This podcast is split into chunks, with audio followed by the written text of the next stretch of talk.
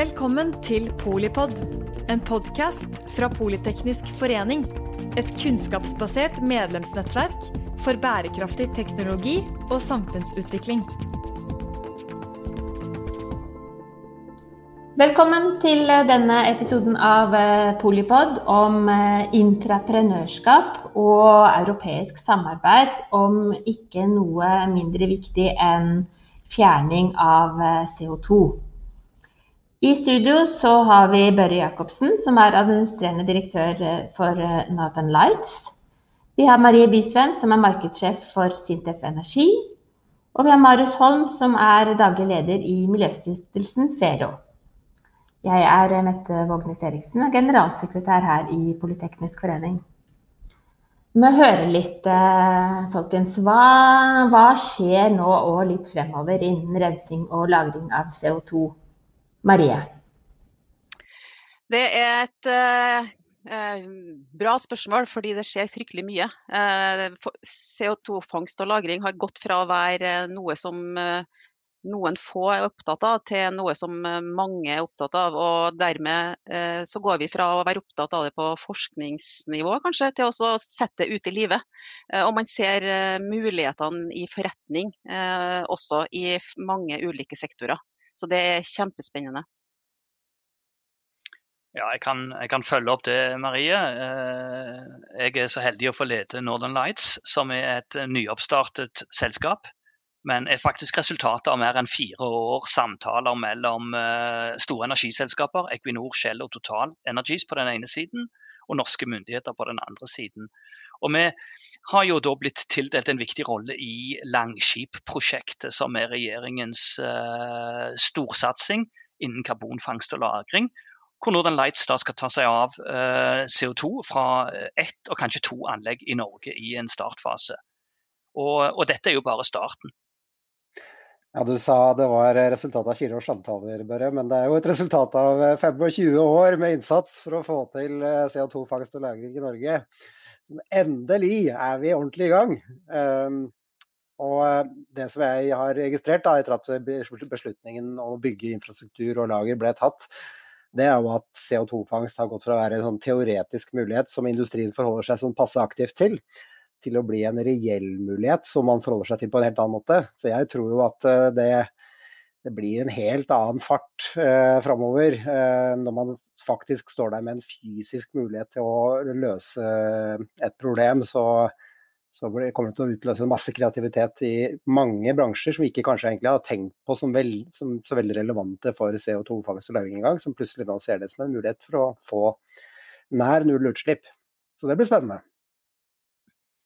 Ja, du har, du har jo helt rett, Marius, at dette er jo en, en en, det har vært mange eh, forsøk tidligere. og, og det har jo òg eh, blitt startet opp noen prosjekter rundt omkring i verden. Men det som er på en måte litt unikt nå, det er jo at en, har, en setter hele verdikjeden eh, i gang i Norge. Og at du har et, et, et anlegg som Northern Light som vil være åpen for utslipp fra andre utslippskilder. Så det er ikke et lukka system, men et åpent system. Og Det skal jo bli veldig spennende å teste ut. Og Da trenger vi jo nettopp den, det du beskriver. Vi trenger denne her entreprenørskapen. Vi trenger dette at nye ideer kommer inn, og hvordan vi klarer å på en måte få dette her, og denne, få denne forretningsmodellen som vi setter til å bli en suksess. Forretningsmodellen, det, det endelig så begynner man å se på, på konkrete muligheter der. Eh, og som en del, av, eh, en del, av, det, så er det jo viktig også, også se hvordan det europeiske forskningsmiljøet har på en måte lagt et utrolig godt fundament eh, med det arbeidet som har vært gjort, og hvor Norge har vært veldig sentral i å bidra med kunnskap.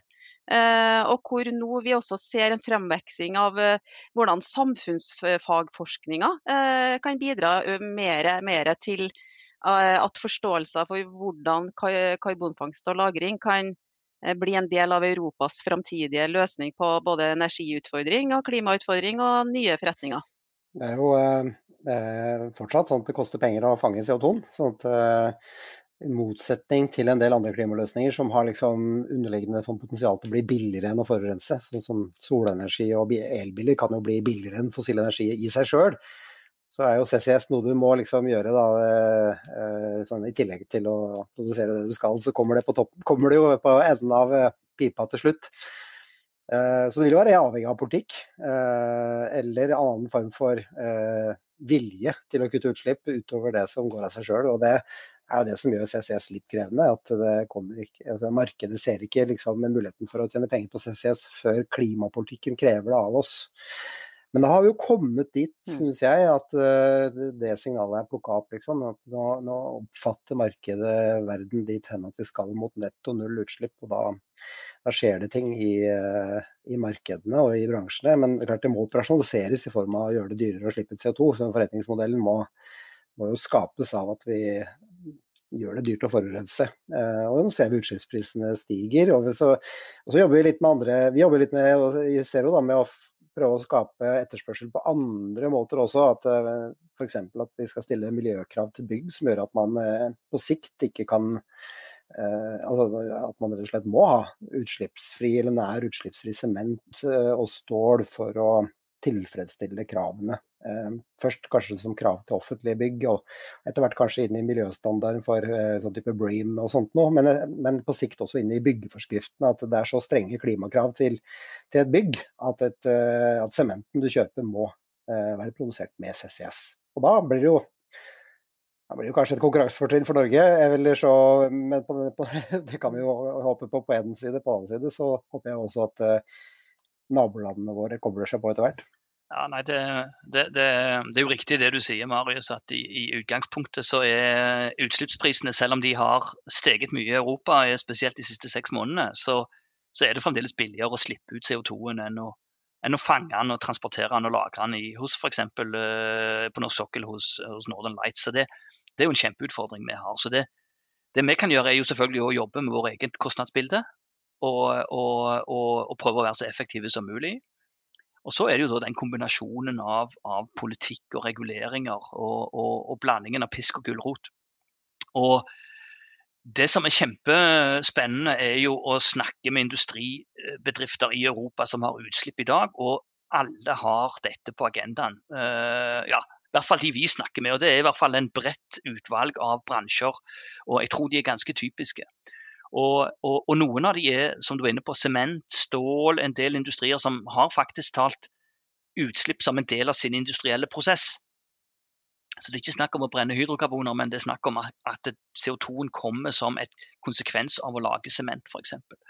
Og, og, og her ser de jo på Og de må jo justifisere sine investeringer basert på hva dette koster. Og, og, og, der er det jo selvfølgelig eh, skatter, eh, kvotepris.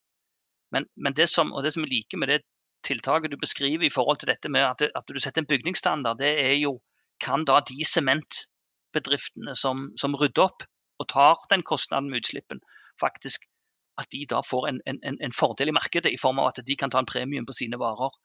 For da begynner virkelig dette å sette fart. Og det hadde vært en kjempespennende utvikling.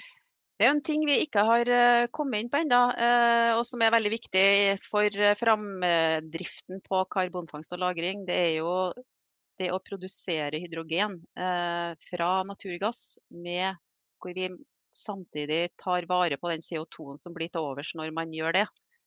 Ehm, det er jo en kjempeforretningsmulighet for de som er, sitter på ressurser sånn som naturgass, noe som jo er veldig viktig for oss i Norge. Eh, og når vi siden vi snakka om forretningsmodeller og politikk, så, så, er det et element som er særdeles viktig i denne samtalen. Eh, og den kombinasjonen av at vi i Norge sitter på verdiene som naturgassen utgjør, eh, og mulighetene til å bruke den på en måte som er mulig bærekraftig, eh, kombinert med at vi også sitter på muligheten til å lagre store deler av CO2-en som kan komme ut av en sånn produksjon av hydrogen. Eh, det er jo et stort ansvar og en stor mulighet for, for oss som nasjon, og i samspill med resten av Europa. Ja, er vi, er, vi, er vi, i stand til å gjøre det i stor skala eh, innenfor det? Altså, jeg hadde, en, jeg hadde en samtale med en tysk energitenker, eh, kan man kalle det, eh, sammen med noen de fra det norske CCS-miljøet rundt dette. og, og Han var jo litt Han var liksom utgangspunktet kanskje tilhenger av å gjøre dette med fornybar og elektrolyse, altså at man bruker strøm fra vind og sol til å lage hydrogen av vann, som er den mest den opprinnelige måten å gjøre det på, på en måte. Um, Men så var han åpen for at kanskje, det, kanskje man ikke har kapasitet til å gjøre det. Man har rett og slett ikke nok energi i Tyskland til å gjøre det. At man er avhengig av å importere fra f.eks. Eh, blå hydrogen fra, fra norsk gass. Men han ble litt paff når han hørte hvor lite Northern Lights var. da. Altså, det, det, her, ikke, her monner jo ingenting i den uh, sammenhengen vi trenger sånn, i Tyskland. Så er spørsmålet hvor er vi i stand til å skalere opp fort nok? Og er vi konkurransedyktige uh, med grønn hydrogen på sikt? Altså det, jeg, jeg, vil jo gjerne at vi skal få det til, men, men det, er ikke, det, er jo ikke, sånn at Europa har noe mål om å holde liv i norsk gassnæring sånn i seg sjøl. Så man, uh, her må man konkurrere. Ja, nei, jeg, jeg, tror norsk, jeg tror norsk eh, naturgassnæring må på en måte slåss eh, for seg selv og, og, og konkurrere på de, på de, områdene de kan. Og, og jeg tror at, at, den hydrogensatsingen vi ser og vi, vi, begynner å ane bare konturene av, egentlig, at den, eh, den, vil skyte fart. Det er en enormt mye momentum bak det. og og blå hydrogen, som du sier, altså hydrogen som er eh, eh dannet av, av, naturgass, hvor du da injiserer CO2-en eh, i, i, undergrunnen, er, er, et kjempepotensial. Og, og, da blir det veldig store volumer. Mer enn det som vi kan du si, snakker om i dag i, i Northern Lights. Eh, men fordelen er jo at da har du jo faktisk utslippene i nærheten av lageret. Sånn at du kan, eh, du kan, jo, eh, hvis du skulle produsere hydrogen f.eks. av trollgassen, så er du jo i samme område hvor vi har vårt lager. Og Det, gi, det gir jo selvfølgelig en kostnadsbesparelse. Så, så det er en kjempeinteressant utfordring å, å følge med på. Er, eh, selv om kanskje ikke det er hovedfokuset for Northern Lights akkurat nå, så har vi jo en del kunder på vårt kart som, som, som tenker i de hydrogenbanene òg, og jeg er sikker på at det vil komme mye mer av.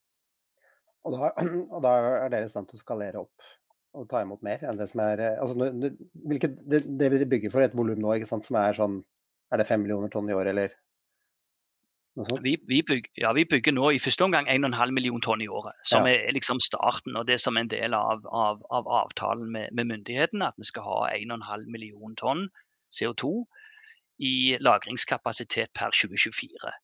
Hvis du setter det i forhold til norske utslipp, som er rundt 50 millioner tonn, så, så, så, så ser du det ca tilsvarer ca. 3 av, av, av, av norske utslipp. Men så har vi planer om å utbygge kapasiteten vår videre. Og, og, og, vi ser for oss at vi skal kunne bygge den ut til 5 millioner tonn når vi har kommersielle kontrakter. Eh, men utover det så, så eh, er det jo klart at, at det er større muligheter på sikt. Så, så eh, for, for, for, karbonfangst og -lagring å, bli en suksess, så må du opp i mye større volumer enn 5 millioner tonn. Så for Northern Lights så handler det på en måte om å, å, å være først, vise at dette er mulig. Eh, vi kommer til å fokusere på å dele våre erfaringer med andre. Og, og hvis, men mitt poeng er at hvis, hvis, vi kan få det til økonomisk, hvis vi kan lage en forretningscase ut av dette, så vil andre følge. Og det er først da du får den skalaen og og, eh, og, størrelsen på dette som gjør at det faktisk har en reell innvirkning på utslippene. Og så tenker jeg at uh, i samarbeidet som vi har rundt karbonfangst og -lagring i Europa, er viktig av flere grunner. Uh, fordi uh, man må transportere denne CO2-en mellom utslippspunktene. og dermed så er det, det her med europeisk samarbeid liksom særdeles viktig. for man må forstå hvem er det som eier CO2 når den går over landegrensa f.eks.? Eh, hvem er det som har eh, muligheten til å kunne se på kombinasjon av CO2-transport og hydrogentransport? Eh, juridiske elementer knytta til dette er jo også et, er jo noe man jobber med. Så når vi på forskningssida i Sintef jobber veldig tett med andre europeiske forskningsaktører, så er jo det eh, skulle si, normalt gjennom det internasjonalt forskningssamarbeid. Men vi ser at eh, det europeiske forskningssamarbeidet på karbonfangst og -lagring også hjelper på eh, den industrielle utviklinga, si, gjennom at vi er med på prosjekter som hvor vi forstår de ulike regionene sine fordeler, ulemper, styrker og svakheter. og gjennom det også bidrar inn når Eh, land og kommisjon skal diskutere hva må til for å få CO2-fangst og -lagring eh, raskere implementert i Europa. Så, så det, det, er en litt sånn artig historie egentlig å, å, bygge på. For vi er, vi er verdensledende i Europa vil jeg si, på det her med, med forskningselementene på karbonfangst og -lagring. og det, det, tenker jeg det er viktig å bygge videre på når man skal få opp tempoet på det her. Ja, og det er jo store og reelle utfordringer du, du peker på der, Marie. Vi har jo I dag uh, er det jo ikke f.eks. mulig å frakte CO2 fra skip fra Europa til Norge. Uh, det, må, altså det er selvfølgelig fysisk mulig, men, men, men, det, det, juridiske rammeverket er ikke på plass. Og, og her må jo en få på plass avtaler, bilaterale avtaler mellom land, mellom utslippsland og mottaksland. og Dette er jo en, en prosess som norske myndigheter er, er, er veldig klar over og har startet eh, samtaler med, med, med, sine kollegaer i, i, i, noen av de aktuelle landene eh, for oss å hente CO2 fra, som Sverige og Nederland etc. Eh, men dette må jo òg på en måte finne en løsning i det samme tidsperspektivet som de kommersielle diskusjonene. For vi har jo den samme diskusjonen med, med våre potensielle kunder. Når tar vi for, på en måte eierskap til CO2-en? Eh, og, og ansvaret for den. Så, så, dette er jo komplekse eh, diskusjoner. Og, og, her trenger en òg på en måte å bygge et, et, et, nettverk på tvers av bransjer. På tvers av, eh, av altså, Inkludere industri, myndigheter eh, og andre, for å, å få satt på plass standarder. Det du peker på der, Børre, er jo også det som kanskje er ulempen med CCS da, i forhold til andre klimaløsninger. Altså, det er jo veldig komplekst. Det er både komplekst juridisk og sikkerhetsmessig, og det er eh, store investeringer i infrastruktur, og det er liksom mye sånn høna og egget-problemer som gjør at eh, CCS eh, ikke blir den klimaløsningen man velger framfor andre. Um, min hypotese er vel at uh, der hvor man har andre løsninger, så, så blir ikke CCS valgt, fordi det er såpass komplekst og krevende. Eh, eh, men det betyr ikke at det ikke er viktig for klimaet at vi gjør det, fordi det er noen sektorer hvor det er den beste og, beste og mest tilgjengelige løsningen. Men det skapes jo iblant bilder i Norge av at eh, CCS blir den nye oljen, på en måte. Og at blå hydrogen gjør at vi fortsatt kan eksportere gass i samme omfang. Det, det tror ikke jeg. Det er viktig, og det kan bli ganske stort. Men ikke Det er greit å være edruelig på begrensningene også, tenker jeg da. Ja, det, det, det, det og er, du peker på, på, en del uh, realiteter der, Marius, som vi må ta med oss. Uh, det som det som er litt av, det som er interessant, er jo når jeg, jeg, vi diskuterer med industrielle utslipper i Europa. og De viser oss sine planer mot goal zero, net zero, eller de har forskjellige betegnelser, men de fleste snakker jo om å komme ned i null eh, mellom 2030 og 2050. Det er, det er, at de viser jo hva de gjør med fasing inn av fornybar energi, eh, energieffektivitet. Altså de viser hele på en måte den, den eh, mengden av uh, verktøy de har. Men for noen bransjer så sitter du igjen med at karbonfangst og -lagring må til syvende og sist komme inn. Vi nevnte sement og stål og den type avfallsbrenning og den type virksomheter.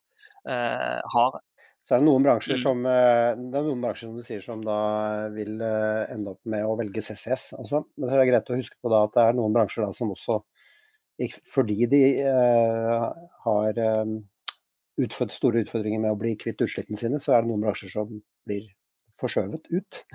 At vi rett og mm. slett finner andre måter å produsere på. Altså andre, helt andre prosesser eller helt andre materialer. Det er jo en, jeg, har hørt ganske mange, jeg har hørt ganske mange fra olje- og gassindustrien som argumenterer for at man vil bruke blå hydrogen fra gass eh, til å varme opp hus og bygning, altså bygninger med eh, Eller til å lage mat, sånn som man bruker gass i mange land i dag.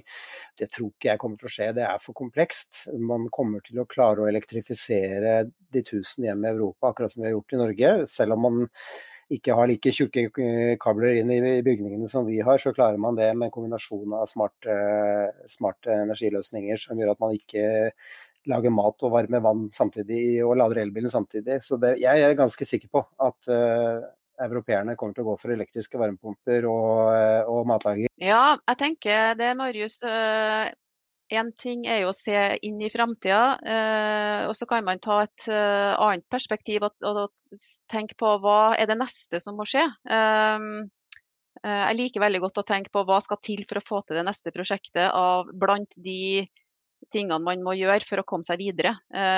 Og denne energitransisjonen som det er mye snakk om, det tror jeg er et viktig perspektiv. Da. Inklusive det å vurdere om det er hydrogen fra naturgass som vil bli framtida, eller fra, fra, splitting av vann, for å si det sånn. Det er kanskje litt vanskelig å si, men det vi vet er at det, vi må få til den overgangen. Og at det er kombinasjoner og løsninger som, som, som er løsningen i den overgangen.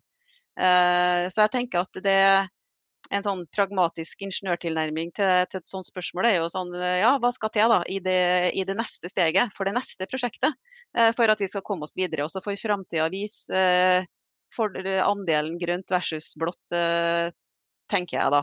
Eh, og at vi i Norge nå har, har, og tar en sentral rolle i denne overgangen. Eh, er, er veldig spennende og veldig inspirerende. og jeg jeg har jo også kunnet tenkt meg å kaste litt sånn ball rundt hvordan skal vi få engasjert ungdommen eh, i denne overgangen. Eh, er det noe vi eh, glemmer, og altså, hvordan kan vi få inn deres perspektiver for å, for å, rett og slett gjøre de rette tingene eh, når vi må få til alle disse utfordringene. Eh, og ja, eh, og der, der, tror jeg rett og slett vi har en jobb å gjøre i det å gjøre karbonfangst og -lagring mer forståelig for, eh, for mannen i gata. Eh, men eh, jeg hadde egentlig bare lyst til å kaste litt ball på det. Er det noen av dere som har noen tanker på det?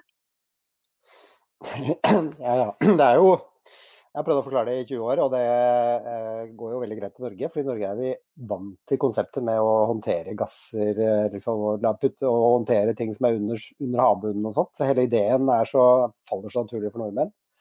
Eh, men med en gang du drar utenfor Norge, så er det takket vanskeligere. Da oppfatter man det som veldig ja, eh, teknologisk uh, utfordrende. Det er det jo for så vidt, men, men liksom, man tror kanskje at tviler på at det er teknisk mulig. Og det, mm.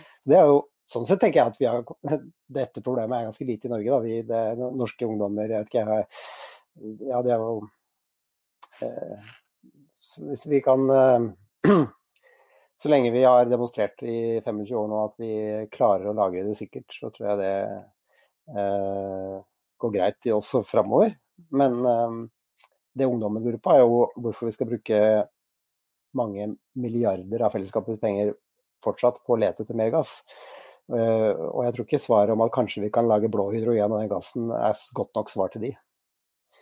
Ja, kanskje en bare kommentar. Jeg har jo um, huset fullt av, av, av, ungdom, eller unge voksne i hvert fall. Uh, og, og uh, jeg må jo si de, de, er ganske, de er veldig skeptiske.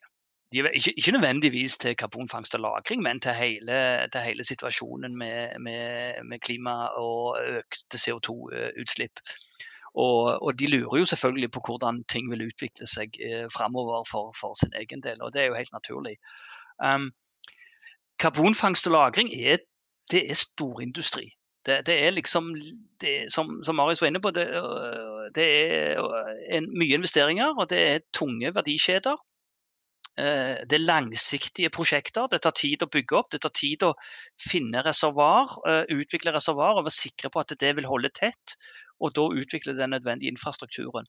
Og, og, Det er jo derfor det var, jeg mener det er så sentralt at noen setter i gang, sånn som norske myndigheter og, og, og Northern Lights sine eiere, med at nå setter vi i gang en verdikjede, og så viser vi at dette faktisk eh, vi skal få dette til å fungere. Og Så må vi ta det skritt for skritt der. Og, og, og Jeg er jo klar over at det, det, virker mye mer enklere med solcellepanel på taket eller uh, kjøre elbil og disse tingene her. Men poenget er jo det, du trenger alt.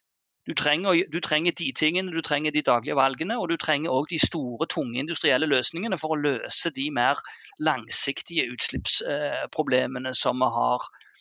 Så, om, så, så, jeg tenker at det er liksom litt av den, av den uh, veien framover. Men det er et lengre løp å, selge inn tunge industrielle prosesser som karbonfangst og -lagring tross alt er. Men nå er vi i gang, og vi bygger. og Det er noe som heter 'seeing is believing'. Og Vi gleder oss jo nå etter hvert til å begynne å ta imot gjester på, på Øygarden. Uh, og, og, vise de rundt på anlegg og, og, vise at her bygges det faktisk, og vi setter i gang. og Jeg tror det er en, en, en erkjennelse som, som vil hjelpe oss godt på vei. Det var som jeg sa med, med innledningsvis, med at industrien nå ser på, vurderer CCS i praksis. Noe som er en, faktisk en, eh, en reell mulighet. Altså. Det er eh, en helt nytt ballgame, som man sier. Altså at, og jeg tror, det som jeg er litt spent på nå, det er jo om det kommer for Du snakker om storindustri, men altså, storindustri finnes jo i mange størrelser. Og Det jeg lurer på, da, er om ikke snart, sånn som Aker og andre som har jobba med å lage fangstanlegg i mange år, at man nå kan komme i en situasjon hvor du kan serieprodusere ganske små CCS-anlegg. Sånn, at du kan plukke opp 100 000 tonn her og der eh, til relativt fornuftig pris, hvis disse anleggene er litt sånn modulbasert og serieprodusert. Det kan kanskje dere svare på, hvordan vi ligger an der? Um, ja, um, det med størrelse uh, på, på, fangstanlegg uh, og serieproduksjon, det, det, tror jeg helt rett, uh, du har helt rett, Marius. Det, det blir det mer fokus på, og det, det, det, er det, det, er det mer fokus på. Så har jeg lyst til å nevne det med, med kompakthet. altså Det at fangstanleggene må ta mindre plass. For at, både for at man skal få plass på trange industriklyngeområder f.eks. Uh, hvor man kan tenke at man kan bruke varmeintegrasjon og liksom optimalisere prosessen og redusere energiforbruket på den måten. Og så ser vi det også nå når det blir aktuelt med CO2-fangst på skip, eh, hvor, hvor teknologiutviklinga da selvfølgelig er spennende, men også det er logistikken og hvordan skal vi samarbeide om det her internasjonalt, og IMO og alle de her tingene her. Eh, så det er fryktelig mange spennende ting som skjer. Dere har forklart oss masse om eh, måte det som skjer og det som må skje, både på kort og litt lengre sikt. Eh, hva er endgame, og vil Norge klare å ta disse markedene globalt? Enten med lagring eh, på norsk sokkel eller, eller eksport av teknologi osv. Eller vil nok en gang store nasjoner ta skal du si, cleantech-markedene? Ja, nei, jeg har eh, innmari lyst til å tro på, eh, og jeg eh, tror på at det skal vi i stor grad klar. Det vil kreve tydelige og sterke politikere som, som følger opp lovnadene sine, og et fortsatt samarbeid mellom forskere, industri, næringsliv, juss. Altså alle, alle de som har jobba godt sammen før. Eh, og jeg tror definitivt driveren er at Europa nå må mot eh, null eh, i 2050. Og som vi ser i IA-rapporten, det settes konkrete, kortsiktige mål som, som, det jobbes mot. Og, så ja, jeg tror, det, jeg tror det kommer til å skje. Ja, jeg er enig i det. Jeg tror Norge har et, et, et lagringspotensial på sokkelen som er veldig veldig stort. Det, der er ulike tall ute og går, men jeg har hørt 800 gigatonn. Eh, så, så, så, det er, og det er veldig mange vannførende lag i, i Nordsjøen og Norskehavet som kan benyttes. Og der er også, du kan bruke tomme gassfelt til, til, til lager, som, som, som andre gjør. Eh, hvis du kan kalle det et marked, så er det eh, veldig stort. Og jeg er helt sikker på at Norge kommer til å ta en, en god del av det. Det kanskje kommer litt an på hvor mye vi har appetitt på å ta òg. Og, og, og, og, at vi vil være konkurransedyktige, jeg heller ikke i tvil om. Så, så jeg tror at, at, CCS som industri i Norge har en, har en, en, en veldig interessant framtid. Jeg tror ikke det blir olje- og gassnæringen på ny. Uh, vi er tross alt i en annen del av verdikjeden med, med karbonfangst og -lagring. Det er jo et avfallshåndtering, egentlig. Og, og, og den uh, grunnrenteprofitten som du har i olje og gass, den, den, har vi jo ikke på samme måte i, i, CCS. Men det betyr ikke at det ikke kan bli en veldig interessant aktivitet. Og ikke minst så bygger en jo på de kompetansefortrinnene Norge har allerede, med den undergrunnsekspertisen, eh, boring og brønn, Eh, eh, forsyningsindustri og industriell kompetanse generelt. Så vi har veldig mange ting på plass i Norge som gjør at vi kan ta vår, eh, vår del av denne kaken. Jeg tror også det. Det blir signalet om at man må finne nullutslippsløsninger er så tydelig til alle bransjer at det kommer til å skje. Um, og så tror jeg at Norge kommer til å ta en en decent andel av dette markedet. I kraft av å kunne det å være tidligst ute. Eh, vi kommer alltid til å være litt for seine. Vi er mer opptatt av å få karbon opp av bakken enn av å få det ned igjen, tross alt, i dette landet. Så eh, litt bakpå kommer vi til å være, men akkurat her tror jeg vi tar en brukbar posisjon. Ja, det var jo uh, litt ubeskjeden optimisme fra dere alle. Det kler dere. Uh, utfordrer deg, Marius. Ryktene går om at du går videre fra Zero om ikke så mange dagene, ukene. Så du skal få anledning til å gi en en avskjedshilsen når det gjelder eh, Norges eh, suksess eh, innen karbonfangst og -lagring. Det må jo være at vi følger opp det vi har gjort hittil, som har vært helt riktig, nemlig å bygge hele verdikjeden fra A til Å. Eh, også sørge for å skape marked innenlands, at eh, vi ikke går og bare, bare venter på Europa, men faktisk setter i gang å fange CO2 fra både avfallsanlegg og andre industrianlegg i Norge. Eh, så det er ikke noe vi trenger dette har vi råd til å, og behov for å gjøre selv. Takk for det, Marius Holm, daglig leder avtroppende sådan i Miljøstiftelsen Zero. Tusen takk til Marie Bysveen, markedssjef i Sintef Energi. Og til Børre Jacobsen, administrerende direktør i Northern Lights. Og ikke minst tusen takk til deg som hører på Polipod når du vil og hvor du vil. Da vet du litt mer om eh, fjerning av eh, CO2 og, og mulighetene det innebærer for norsk eh, både næringsliv og, og globalt klima. Takk for at du lyttet til Polipod fra Politeknisk forening. Få med deg flere episoder, eller bli med på nettverksmøtene som du finner på at polyteknisk.